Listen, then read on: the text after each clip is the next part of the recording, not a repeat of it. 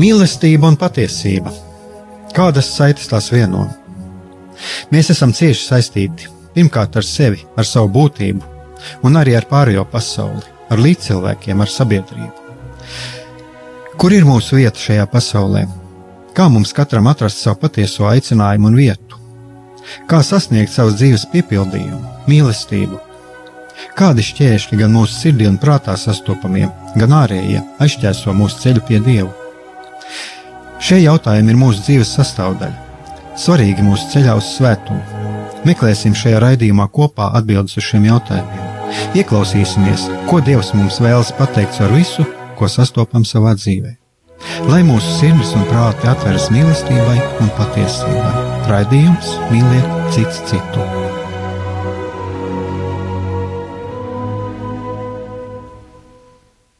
Lai top slavēts Jēzus Kristus, esiet sveicināti, darbie radioklausītāji. Šis ir raidījums Mīlēt cits citu. Studijā esmu Es Aigārs Brikmanis, un šodien ir uh, tā reize, ka pie mums ir viesis, pie mums ir viesis vēsturnieks Edgars Engīzers.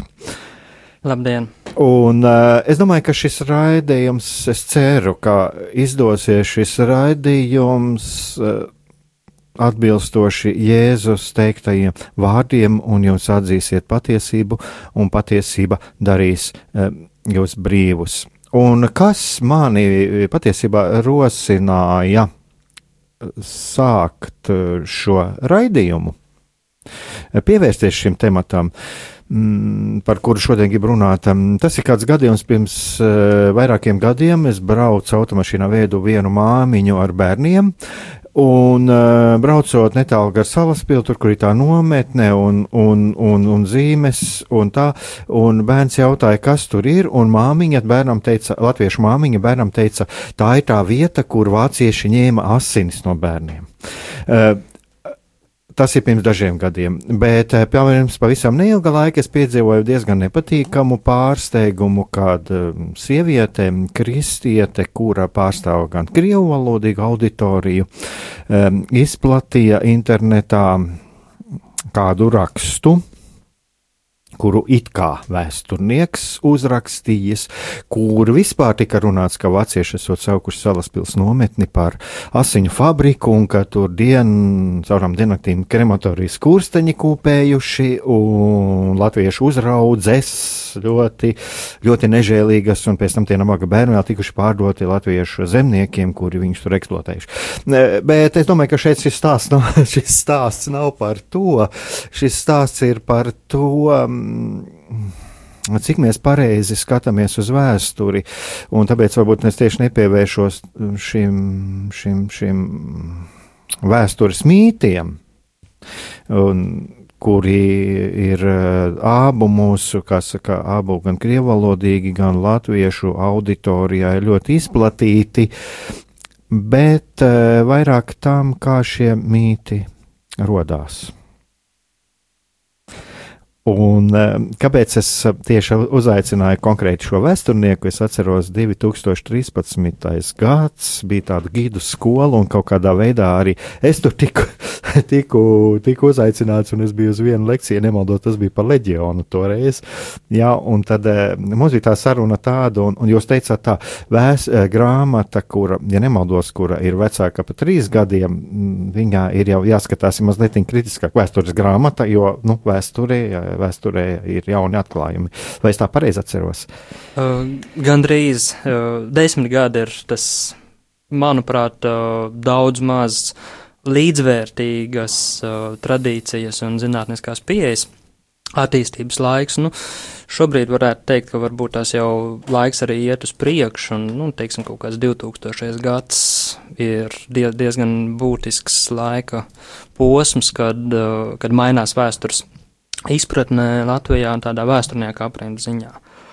Um, man bija ļoti interesanti klausīties jūsu pieteikumu, jo saskaņojuši tēmu mēs nebijām līdz galam, un, un īstenībā attaust atmiņā un, un prātā arī vairākas lietas. Un, uh, bet viena lieta, ko es jau pašā sākumā gribētu iezīmēt, ka mēs, nu, negribā, negribās runāt visu vārdā, bet, bet gribētos teikt, ka tā vēsturnieki vai akadēmiski praktizējoši vēsturnieki, vismaz lielākā daļa, es ceru, tomēr, tomēr saprotu, ka vēsture ir ļoti daudzkrāsaina, ļoti daudzšķaitnaina, un mēs izvairamies runāt par patieso vēsturi vai par to, kā īstenībā bija. Un tā ir pieeja, ko, ko vācu vēsturnieki praktizēja 19. gadsimta otrajā pusē, rakstīt vēsturi, kā tas ir bijis, izējot no dokumentiem un viņa apziņas. Bet šobrīd jau visi redz, ka jebkurš notikums ir daudz, daudz šķautnēnāks un daudz, daudz slāņaināks nekā ir iespējams izstāstīt. Un nav atšķirības, vai izstāstīt vienkārši, vai izstāstīt sarežģīti, jebkurā gadījumā kaut kas paliks neizstāstīts. Uh, Un, un līdz ar to tāda, es teiktu, ka tādas pareizās vēstures nav. Ir vēstures stāsti, ir vēstures vēstījumi, jeb kā pats vārds vēsture nozīmē stāstu par pagātni, tulkojumā no, no grieķu valodas. Un mēs nerunājam par vēsturi kā par pagātnes sinonīmu. Mēs runājam par vēsturi kā mūsu redzējumu par pagātni, kas atšķirās, ko ietekmē mūsu pašu pieredze, mūsu pašu arī vērtības, arī mūsu izpratne un uh, ietekmē mūsu pieejamie materiāli, kas pastāvīgi nāk klāt un līdz ar to arī ievieš savas korekcijas. Un uh, runājot par vēstures mītiem, arī uh, nākot uz šejienes, domāju, vai tik nav tā, ka cilvēki uh, lielākoties nesaprot arī šo jēdzienu, jo mēs visi zinām sengrieķu mītus, kā varoņteiks. Un, attiecīgi, ar vārdu mīts lielākā daļa es pieļauju, ka saprot tādu ekvivalentu pasakai. Vairāk skaista, mazāk skaista, bet tā ir pasaka, kurai ar īstenību nekāda sakara nav.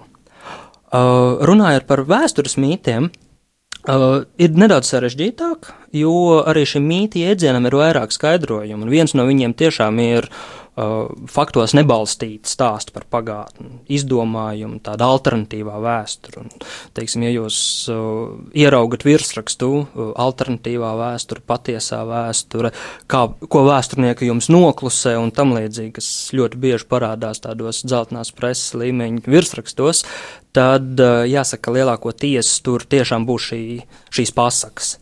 Bet tajā pašā laikā um, akadēmiskajās aprindās arī ir nostiprināts vēstures mītī jēdziens, kas ir uh, vēst, uh, pagātnes skaidrojums caur identitātes prizmu, kur neobligāti ir šī falsifikācija vai neobligāti ir šī atkāpe no uh, faktu vai dokumentu materiālā esošās informācijas mīti var būt arī patiesi. Jautājums ir, kā mēs viņus uztveram, vai mēs viņus uztveram kā axiomu, kurai mēs ticam, un tāpēc tas tā ir, bez diskusijas iespējamības, vai mēs uztveram to kā vienu no tēmām mūsu pagātnē, mūsu sabiedrības attīstībā, un analizējam viņu, domājam par viņu līdzīgi daudzšķautnēni, kā mēs domājam un vērtējam arī procesu mūsdienās. Un katrā ziņā vēstures uh, zinātniskā daļa, vēstures zinātne, viņa ir ļoti precīzi, ļoti eksakti, tad, kad mēs uh, runājam par darba ar avotiem, un viņi ir ļoti radoši tajā brīdī, kad mēs runājam par stāstu veidošanu un šīs pagātnes izpratnes veidošanu mūsdienu sabiedrībā. Man vienkārši, kāpēc, kāpēc es par šo jautājumu un kāpēc, kāpēc man tieši pieskāros par šo, par šo salas pils jautājumu, bet, bet, nu, bet, bet vēl ir dažādi mīti, un šie mīti ir, nu, mēs ar viņiem saskaramies sākot no, no viduslaikiem, um, no senlatviešiem līdz pat mūsdienām, ja, kad, um, būtībā, kāpēc es šim jautājumam pievērsos, un varbūt mēs arī tam pieskārsimies Mēs tam pieskarsimies. Uh, tas ir arī, nu, galu galā, varbūt vēsturnieku uzdevums tas nav gluži par to runāt, jā, bet, nu, tomēr ir šie cēloņi, kam tas ir izdevīgi, un, un ir kaut kādi šie cēloņi. Uh, atkal, es atkal atgriežos pie šīs pašas salas pils, tur parādās jau, piemēram, es lasīju Vīsmas Belševicas tajā viņas atmiņas stāstiem, tur billi, un tur otrajā, otrajā grāmatā tur arī parādās šis mīts, ka tagad mūs aizvedīs tur uz salas pilu un ņems asinis un tā tālāk, jā. Bet ir jau vēl šie dažādie mīti tur par mm, latviešu bālenīniem pirms krustnešiem, un, un tad tur šie visi tie verdzības gadi un tā. Lūk, tā tad ir kaut kādi mīti, mēs tātad viņus varam atdalīt. Ir šie mīti, kuros ir patiesība, un ir uh, mīti, kuri ir pasakas, tā mēs varam teikt. Uh, Vēstures mīts. Uh, jā, bet uh, es pat gribētu teikt, ka da, kaut kāda daļa patiesības uh, jau atspoguļojos visos mītos. Uh, ja mēs runājam par to, kāpēc mīta veidojās, tad, uh, tad protams, uh, viens skaidrojums, kurš arī ir pamatots, ir, ka tas kādam ir izdevīgi. Uh, otrs skaidrojums, kurš neizslēdz šo pirmo, ir tas, ka mīta veidojas objektīvi mūs, mūsu zināšanu dēļ, vai mūsu zināšanu ierobežojumu dēļ, un mūsu izpratnes dēļ. Kā mēs raugāmies uz šo pasauli? Viens no uh, visilgākajiem mītiem Latvijas vēsturē, man šķiet, ir mīts par 700 verdzības gadiem, kas ir no vēsturnieku puses dekonstruēts, jeb apgāsts jau daudzus gadus, bet uh, nākās ar vien vairāk un ar vien ar vien par to runāt, tāpēc ka tas mīts ir nostiprinājies sabiedrībā. Un man šķiet, ka tā ir arī vēstures mīta galvenā īpatnība, ka viņš dzīvo ārpus vēsturnieku darba veikumu.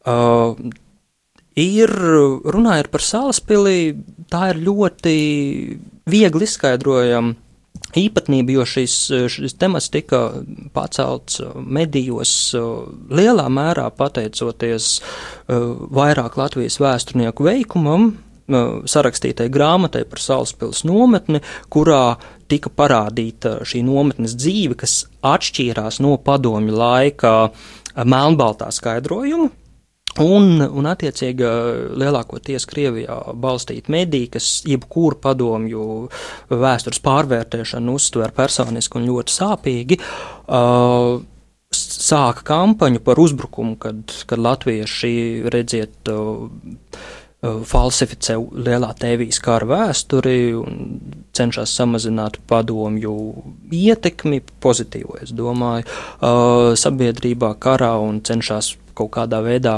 pa, parādīt uh, nacistu melnos darbus uh, gaišākā krāsā, kas pilnībā neatbilst uh, šai vēstures zinātniskajai daļai, jo gan Uldis Nēburs, gan, gan Vīksni, gan pārējie, kas pie šīm grāmatas strādāja, viņi tiešām ir profesionāļi un arhīvu avotos balstīts daudzu gadu pētījums, uh, kura galvenā iezīme bija, ka viņi uztvēra uh, emocionāli ārpus Latvijas, un, un attiecīgi es galīgi nebrīnos, ka tas šķiet bija 17.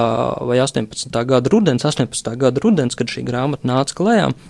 Un par to ļoti, ļoti runāja tieši krievalodīgie mediji, un attiecīgi tas atspoguļojas arī Latvijas informatīvajā telpā un sabiedrībā. Bet, ja mēs runājam ilgtermiņā, es teikšu, ka Salaspils tēma ir man vismaz šķiet viņa ļoti neinteresanti un uh, īstermiņā uh, spēlējoša, jo šobrīd mēs varam redzēt, ka par viņu jau praktiski ir aizmirsts. Arī šajā mītu vai propagandas vai informācijas operācija, kā drusku, drusku tādā militārā terminoloģijā to sauc, bet pasākums jau ir viens un tas pats.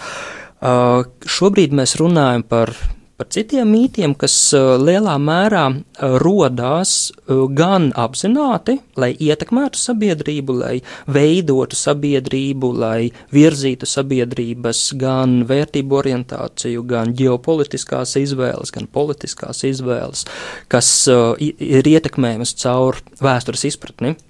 Ar, ar ko mums ir kopīgais, ar ko mums ir atšķirīgais da, pasaules dalījums, mēs un svešie, Tas viss atspoguļojās arī, arī vēstures izpratnē. Un šo, šobrīd izskatās, ka cits tēmas ir nākušas, piemēram, es, es varu izcelt arī vairākas, ir runājot par Latvijas valsts simtgadī, mī, viens no mītiem ir, ka uh, Latvija iestājās Padomju Savienībā brīvprātīgi, viens no mītiem ir, ka neatkarības atjaunošana nebija īsti korekta, uh, kas arī balstās šajā pašā gan uh, jāatzīst Krievijas ārpolitika dokumentos un atziņā, gan arī vērtību orientācijā un, un izpratnē, ka uh, Latvijā uh, sabiedrība teiksim, Latvijas pilsoņu kopumu, sabiedr, veidot sabiedrību, uh, padomju okupāciju uztver kā negatīvu vēsturisko pieredzi, bet Krievijas sabiedrība viņu uztver kā pozitīvu vēsturisko pieredzi. Lielā mērā, un šo vērtējumu diametrālās atšķirības arī nosaka šos mītus.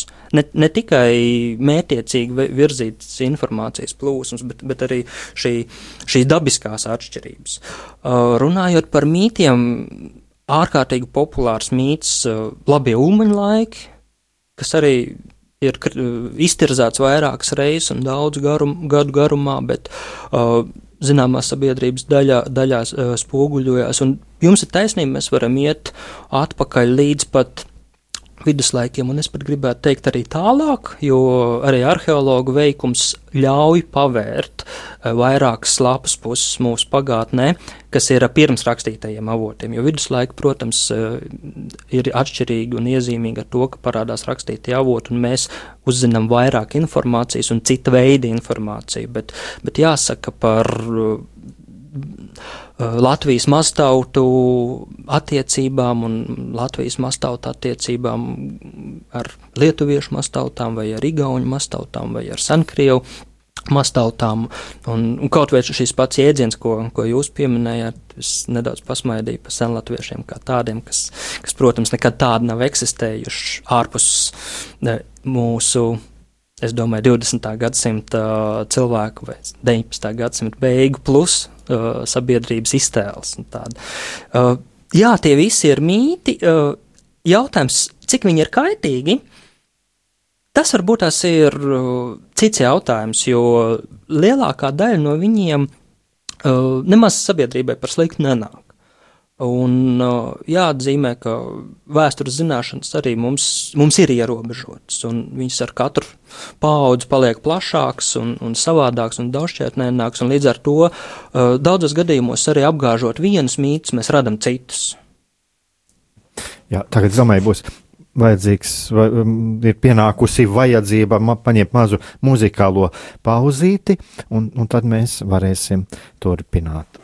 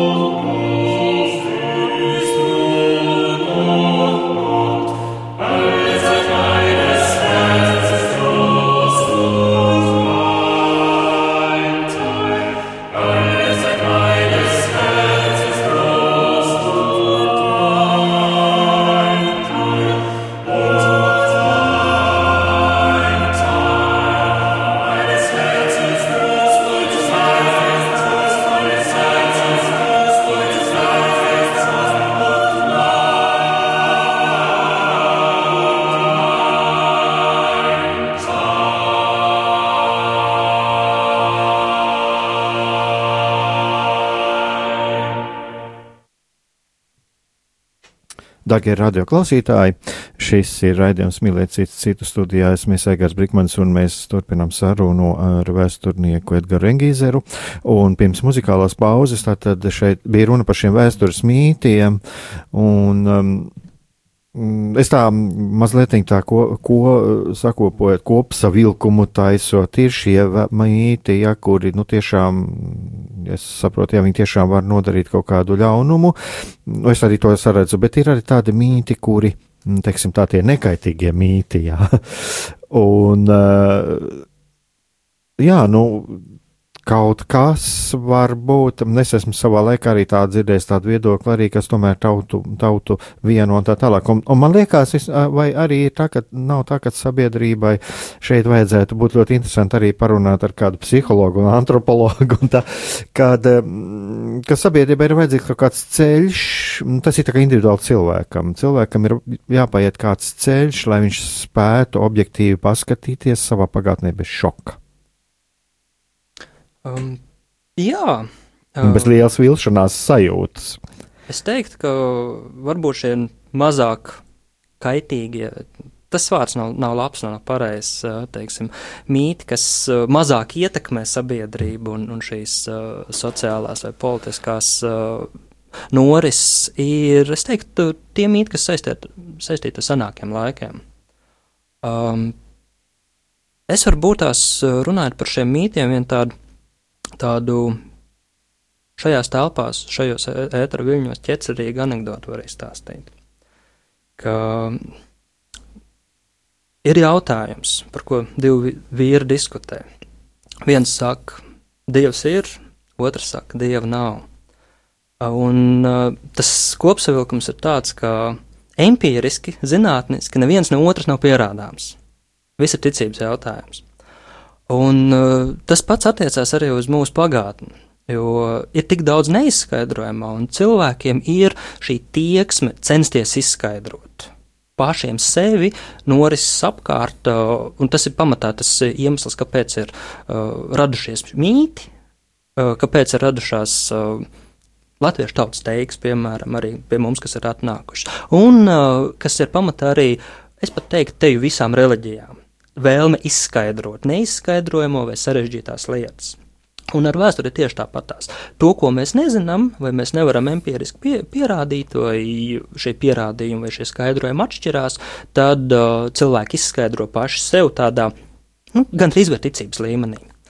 Uh, viens no ar kristīgo vēsturi saistītiem mītiem, teiksim, 13. gadsimts krustnešu kristietība ienāk Austrumbaltijas telpā. Uh, Kaut gan, gan arheologi, gan vēsturnieki ir ļoti skaidri pateikuši, ka kristietība šeit jau bija pirms tam. Un ir vesela virkne ar avotiem, kas viena daļa, kas ir saistīta ar pareizticīgās baznīcas klātbūtni Latgaļu zemēs, otra daļa ir, kas, kas mums stāsta par Dāņu baznīcu kurzemē, vienkārši to un, un Dāņu bīskapu, kurš ir iecelts, bet šī informācija tur arī apraujās. Un Līdz ar to tas krustnešu skaidrojums, kas uz vietas rāda rakstītos avotus, viduslaika kronikas un savu patstāvīgu klātbūtni, viņš ir kā pārņēmis šo vēstures tematu.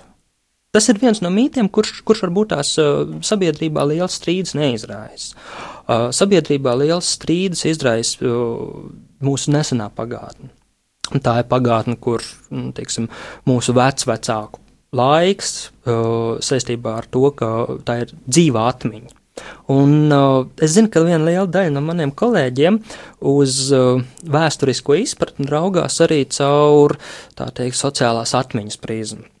Ko cilvēki domā par, par pagātni? Nevis tas, kas ir pagātnē noticis, bet to, ko viņi atcerās, kas ir nonācis pie viņiem caur ģimenes stāstiem, um, caur skolu mācību programmām, ko sabiedrība tas sabiedrības priekšstats par vēsturi, kas tiek veidots, kas arī zināmā mērā atspoguļo šos mītus. Uh, ja mēs runājam par to, kāpēc un kādā veidā mīti radās, uh, jāatzīmē, kā jau uh, raidījuma sākumā minēju, ir šie pamatā, manuprāt, divi lielie um, cēlmi, no kuriem viņi izaug, vai pareizāk sakot, kas viņus pastiprina. Uh, jo lielākā daļa no mītiem viņi kaut kādā mērā tiek noformulēti ļoti šaurās auditorijās, un vēlāk viena daļa no viņiem sas, sasniedz šo pla, plašu auditoriju, un, un tur ir, protams, viens jautājums ir par šo uh, mērķiecīgo mm, sabiedrības veidošanu vai, vai ietekmēšanu, un tā ir vai nu, vai nu politiķu atbildība, un jāsaka, ka, ka kopīgas uh, vēsturiskās izpratnes veidošana ir vai veidošanās ir daļa no nacionālās identitātes, un nacionālā identitāte ir politikas produkts.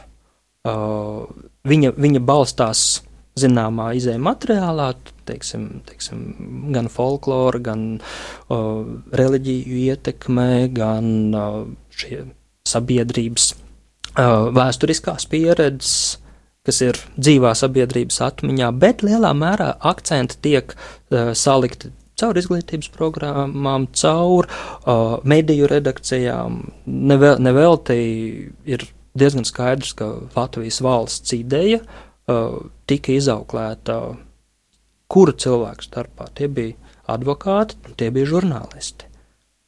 Tālējā 1918. gadā.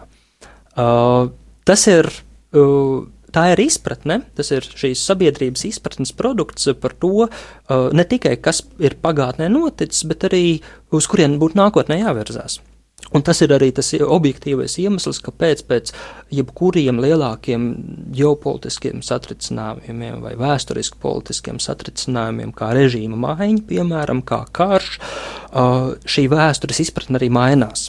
Vai, un viņi tiek mainīti. Un, un mēs tagad varam arī labi redzēt, kā mainās vēstures izpratne no padomju laika uz agrējiem 90. kad bija uh, melnbalts, automātisks, visi iepriekšējā noliegums. Un, es teiktu, ap 2000 gadiem sāk, uh, sāk atkal mainīties no šī nolieguma, jau, jau sintēzējās tāds uh, nedaudz uh, mērenāks, bet uh, vairāk kārtīgi daudzšķautnēnāks skats uz pagātni, kur cilvēki atzīst, ka, nu, jā, arī padomju laiks tās nav tikai deportācijas, bet uh, tas nav arī tikai plombīrs. Un, un tas, ir, tas, ir, tas ir viens no, no šiem uh, atslēgas vārdiem, kas uh, šobrīd ļoti mētiecīgi tiek uh, sabiedrībā izplatīts, ka nu, vectēvi taču karoja pret nacismu un uh, plombīrs taču bija garšīgāks toreiz. Un, uh, Jautājums, kāpēc cilvēki tā domā? Nu,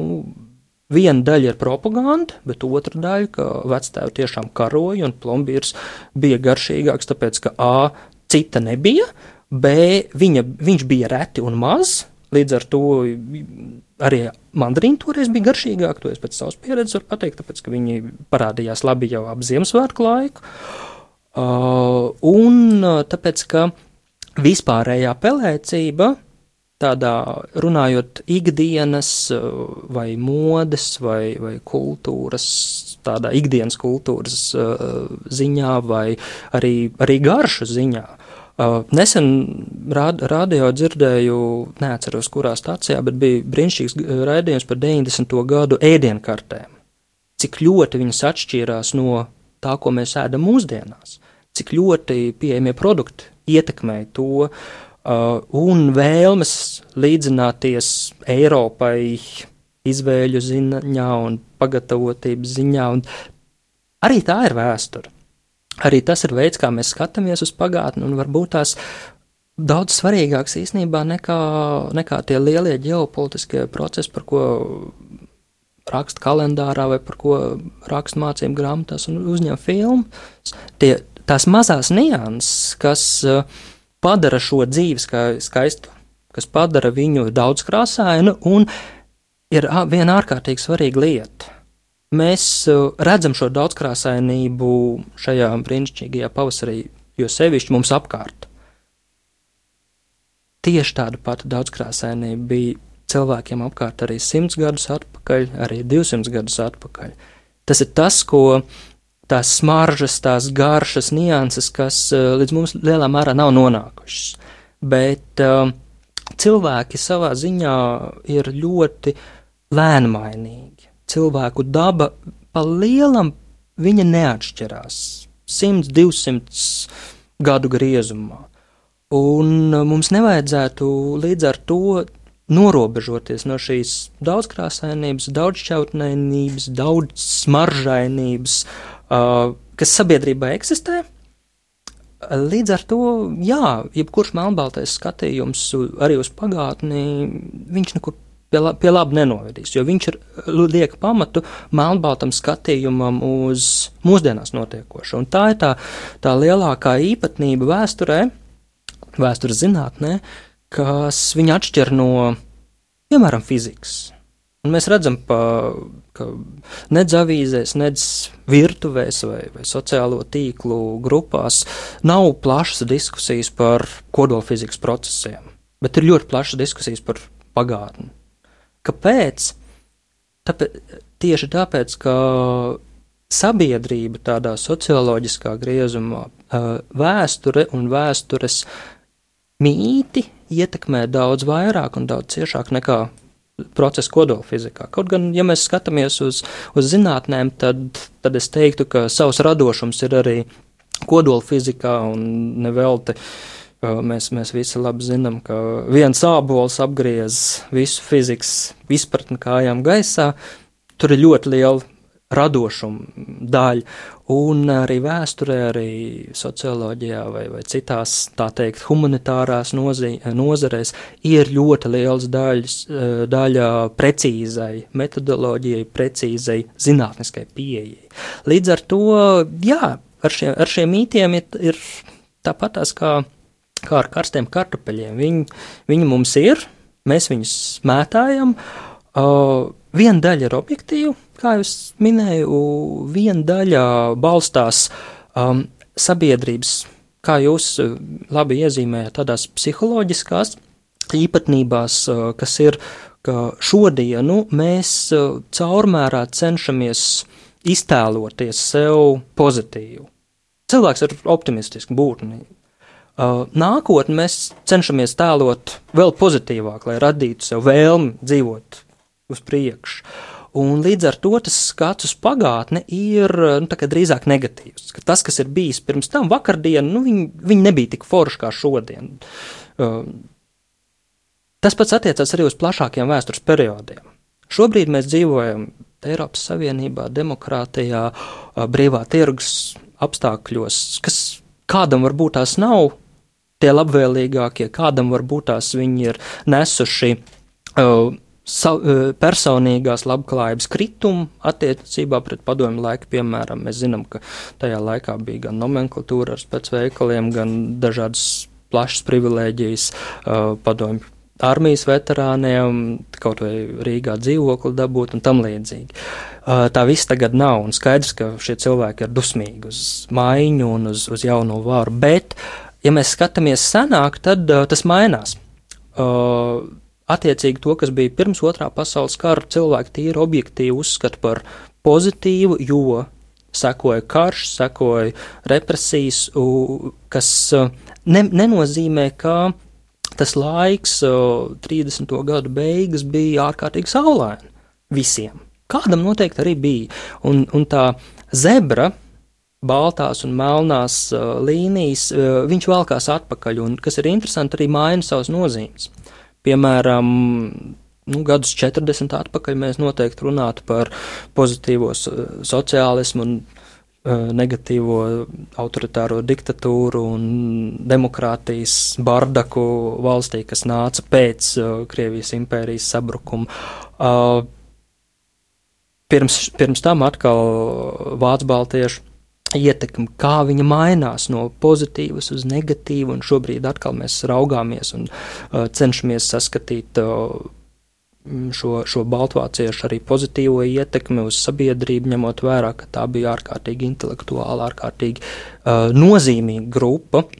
Latvijā, un tā skaitā arī Latvijas valsts dibināšanas laikā. Un tas ir uh, otra nianse par mītiem runājot, ir tas, ka viņi cieši saistīti ar valsti, ar valsts ideju, Uh, un uh, valsts pamatotību, lai vēstures mīti lielā mērā arī, arī izskaidro to, kāpēc mums ir valsts vajadzīga. Uh, viens ir tīri administratīvi, lai radītu kārtību šajā pasaules stūrītī, kurš varbūt tas man šķiet labākais stūrīts uz pasaules, bet uh, otrs ir arī, zināmā mērā, radīt ticību.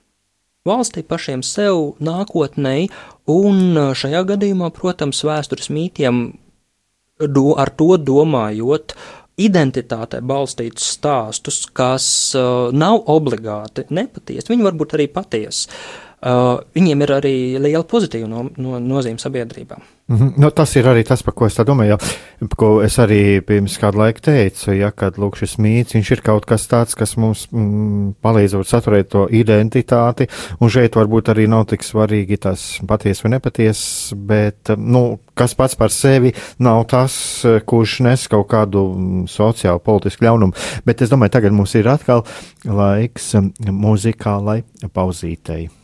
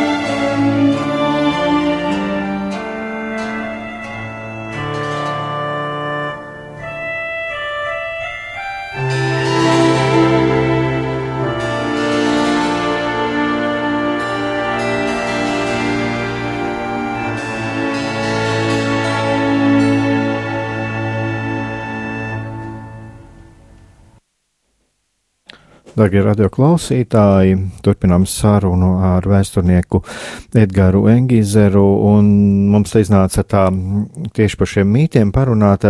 Es varu mazliet, tas man ienāca prātā, ar savu personīgo pieredzi padalīties. Es, tās atmodas laiks man 89. gads, 24 gadi, un es atceros, ka es lasīju, nu, protams, es biju jau kaut ko lasījis, bet, nu, cik nu padomi laikā bija pieejams, es klausījos tās radio balsis, kuras slāpēja, bet tad es atceros, bija tāds zvaigzne žurnāls, un tur parādījās jau tie 88.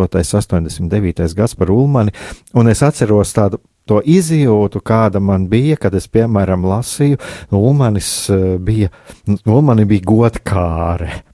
Un uh, savā ziņā es sajūtu iekšēji tādu kaut kā tādu vilšanos, un, un es, uh, es saprotu varbūt arī tos cilvēkus, kur arī tagad, kāpēc es arī runāju par šīm, ka cilvēkam jābūt gatavam kādreiz kaut ko arī tādu patiesību pieņemt, ja, kad es, um, jā, man tīri tādas nepatīkamas izjūtas bija, nu, paga, paga. Tā tendence kaut kā idealizēt, un es domāju, ka kaut kur arī šie mīti, sevišķi par personībām, un varbūt arī par mūsu kā par kādu sociālu, eh, etnisku grupu, šie mīti, mm, viņi kādreiz, nu, mēs turamies pie kaut kādiem mītiem, kuri varbūt ir pārspīlēti, mm, idealizēti.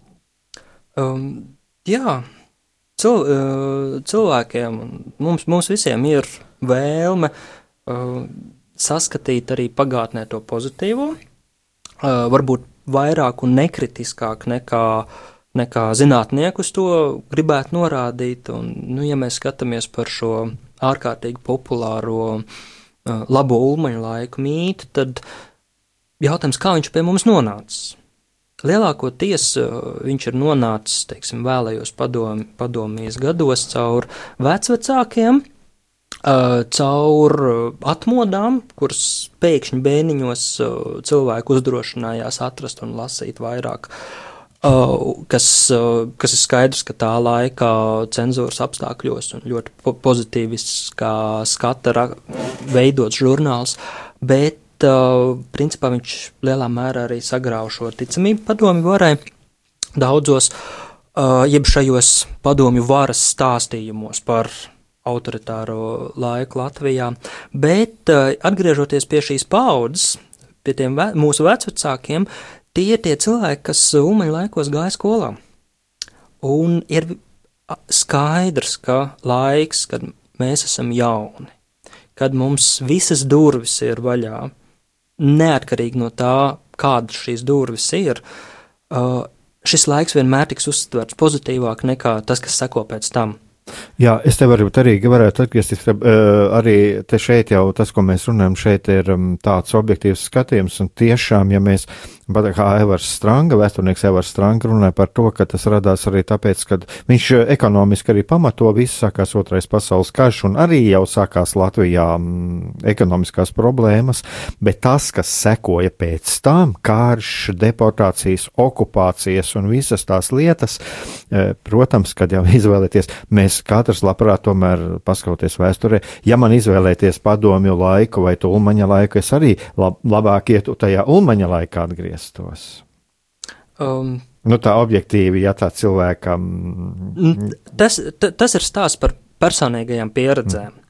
Uh, jā, uh, tas ir tas laiks, kad, kad uh, pirmkārt ir pirms katastrofas laiks, un uh, īstenībā jau šobrīd arī mēs, skatoties uz visnesenāko vēsturi, teiksim, uz 90. un 2000. gadiem, mēs arī viņu vērtējam ne jau pēc tā laika izpratnes vai dokumentiem vai uh, zināšanām, bet pēc mūsu turpmākās pieredzes un mežonīgie 90.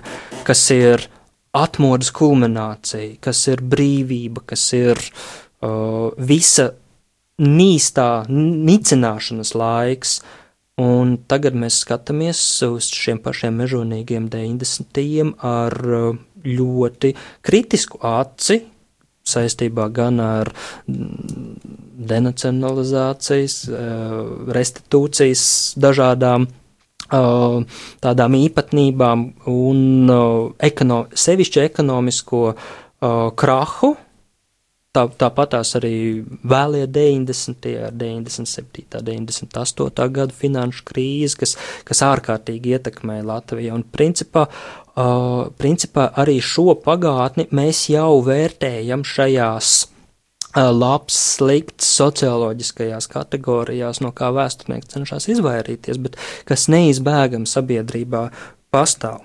Uh, runājot par šīm dažādajām vēstures izpratnēm, ir viena lieta, ko es ļoti gribētu uz, uzsvērt. Runājot gan par mītiem, gan par dažādām vēsturnieku skolām, jeb šīm tradīcijām, kā vēsturnieki lielos notikumus vērtē, ir tas, ka cilvēkiem tomēr nevajadzētu atslēgt prātus un domāt vienmēr līdzi un, un skatīties. Ja tā tēma tevi interesē, tad paskaties, varbūt tās vairāk nekā vienu autoru, kas par to ir rakstījis, vairāk nekā vienu grāmatu, un uh, atvērt arī savus, nu, teiksim, tā sirdis un prātus dažādībai.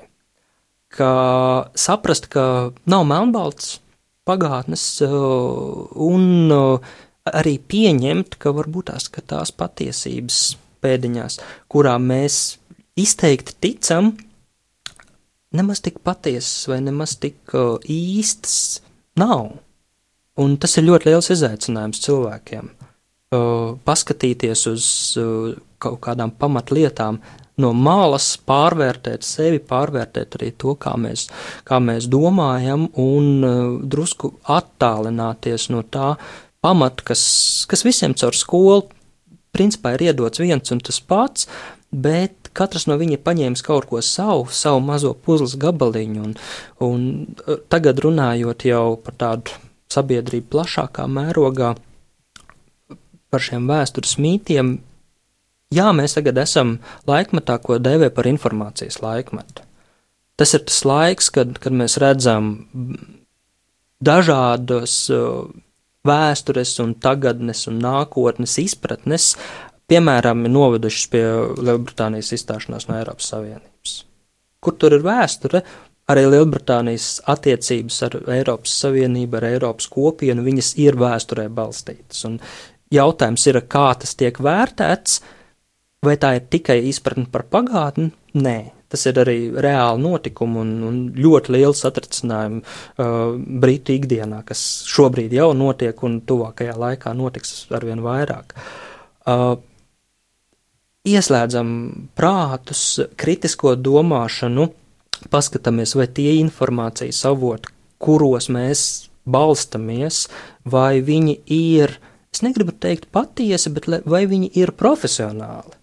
Vai tiešām tie ir vēsturnieki, kas raksta to, vai tas ir kāds propagandas kanāls, vai tas ir anonīms kanāls, kas šobrīd ir ārkārtīgi populāri internetu laikmatā, kad, kad ir ārkārtīgi daudz informācijas, kas ir klaimelīga, bet uh, kas atrod vietu cilvēku uzmanībā, kas, kas atrod vietu, nu, teiksim tā, uz šī, uz šī informācijas gal, piedāvājuma galda. Un galvenais ir domāt, un tad jau viss būs labi. Jā, mums arī jau raidījums tuvojas noslēgumam. Un, jā, nu tā tad te, te atkal atgriežamies pie tā, jūs atzīsiet patiesību un patiesība darīs jūs brīvus, un viena no tām patiesībām ir atzīt to, ka es varu būt subjektīvs un kad es kaut kādā, nu, ka mans viedoklis, nu, nav tas pareizākais, viņš reiz pareizai ir jākoriģē. Un es tā, jā, tā, tā ir. Kā vēsturnieks jūs varat tam piekrist? Um, Es varu piekrist, um, un ir, man ir slikta atmiņa uz citāta autoriem, mm. bet, bet viena no, no tādām lietām, ko ļoti bieži nākās atgādināt gan sev, gan citiem, ir tas, ka viedokli nemaina tikai miroņi. Un arī tas nav īsti pareizi, tāpēc ka reizēm viņi maina viedokļus, attiecīgi viņu mutēs tiek ielikts tas, ko viņi varbūt nekad mūžā nav teikuši un nav domājuši par tādā virzienā. Bet, bet uh, mēs, mēs esam attīstībā, un uh, jebkura attīstība arī vēsturiskajā apziņā. Šodien mēs nezinām to, ko mēs zināsim rīt. Un pilnīgi normāli ir, ka parīt mums būs cits priekšstats par pagātnes notikumiem. Tas ir tas iemesls, kāpēc arheologi cenšas pēc iespējas mazāk veikt arheoloģiskos izrakumus. Jautājums, kāpēc? Lai saglabātu to informāciju nākotnē, jo ir, šobrīd ir skaidrs, ka tehnoloģijas attīstīsies, un uh, informācija, ko no tā objekta varēs iegūt pirms simts gadu, pēc simts gadiem, būs pilnīgi cita veida informācija nekā tās, ko mēs varam no viņa paņemt tagad.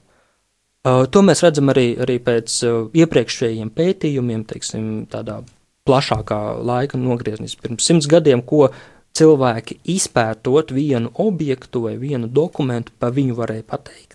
Un tas, ko cilvēki par to var pateikt šobrīd, tur ir kā diena pret nakti. Tieši tāpatās mēs raugamies arī nākotnē, jo, jo ir skaidrs, ka uh, priekšstats gan par tagadni, gan arī par pagātni mums vajadzēs koriģēt, jo nāks klāt jauni dokumenti, jauni atklājumi, jaunas atziņas un būtu ārkārtīgi, es nevairīšos šī vārda muļķīgi ignorēt šo iespējamību. Jā, mūsu raidījums jau ir noslēdzies, un es vēlos arī tikai pievienoties, un, un arī šo tādu niansītu, ko es dzirdēju, eh, tam saslēgt mūsu sirdi un prātu, un tiešām, um, jā, lai mūsu sirds un prāts ir līdzsvarā, un savā ziņā ir vajadzīga arī patiec pacietība, kā mēs runājam, arī arheoloģijā ir vajadzīga pacietība, jā, lai varētu pataupīt kaut kādus atklājumus nākamajām paudzēm. Tas tāds ļoti interesants fakts, starp citu, ko es arī tā par arheoloģiju nebiju dzirdējis. Un jā, Un es domāju, ka tas arī tāds um, skatīšanās un vēlēšanās um, uzzināt patiesību un visa šī pacietība, tas arī liecina par mūsu briedumu. Un kā arī dzirdējām, tad arī tādā veidā mēs varam izvairīties no ļoti lielām nepatikšanām, ja mēs tiešām cenšamies, vēlamies būt patiesi un un saglabāt eh, arī savu brīvību, gan mūsu pašu personisko, gan mūsu tautas un valsts brīvību. Tad liels paldies! Es vēl, var, ja drīkst piebilst, es vēl gribētu tā nobeigumā teikt, un nebaidīties. Nebaidīties skatīties, nebaidīties atvērt acis, jo tāpat kā zirgiem, kam uzliek klapītes, lai viņi droši varētu iet savu ceļu Un tad, kad viņiem viņus noņem, tad, uh, tad ir ārkārtīgi bail no tās informācijas, kas gāžās virsū. Un nebaidīties ieraudzīt to, to kas ir apkārt, uh, pat tad, ja tas uh, varbūt šķietami novirza to domas gaitu, šo identitāti no, no tāda viena ļoti šaura, iemīta ceļa, bet uh, ieraudzīt to, kas ir apkārt gan mūsdienās, gan arī pagātnē, un arī caur pagātni, līdz ar to ieraudzīt to bagātību, kas ir mums apkārt šodien. Dzīve ir skaista. Tā tad ieraudzīsim, nebaidīsimies ieraudzīt to bagātību, kas mums ir apkārt. Nu, tad ar, ar to arī noslēgsim šo raidījumu, ar šo labo novēlējumu. Atgādināšu, ka pie mums šodien viesojās Edgars Engīzes vēsturnieks Edgars Engīzers. Mīlestība un patiesība. Kādas saites tās vieno? Mēs esam cieši saistīti pirmkārt ar sevi, ar savu būtību, un arī ar pārējo pasauli, ar līdzcilvēkiem, ar sabiedrību. Kur ir mūsu vieta šajā pasaulē? Kā mums katram atrast savu patieso aicinājumu un vietu? Kā sasniegt savas dzīves piepildījumu, mīlestību? Kādi šķēršļi gan mūsu sirdī un prātā sastopamie, gan ārējie aizķēso mūsu ceļu pie Dieva? Šie jautājumi ir mūsu dzīves sastāvdaļa, svarīgi mūsu ceļā uz svētumu. Meklēsim šajā raidījumā kopā atbildes uz šiem jautājumiem. Ieklausīsimies, ko Dievs mums vēlas pateikt ar visu, ko sastopam savā dzīvē. Lai mūsu sirds un prāti atveras mīlestībai un patiesībai, raidījums mīliet cits citu.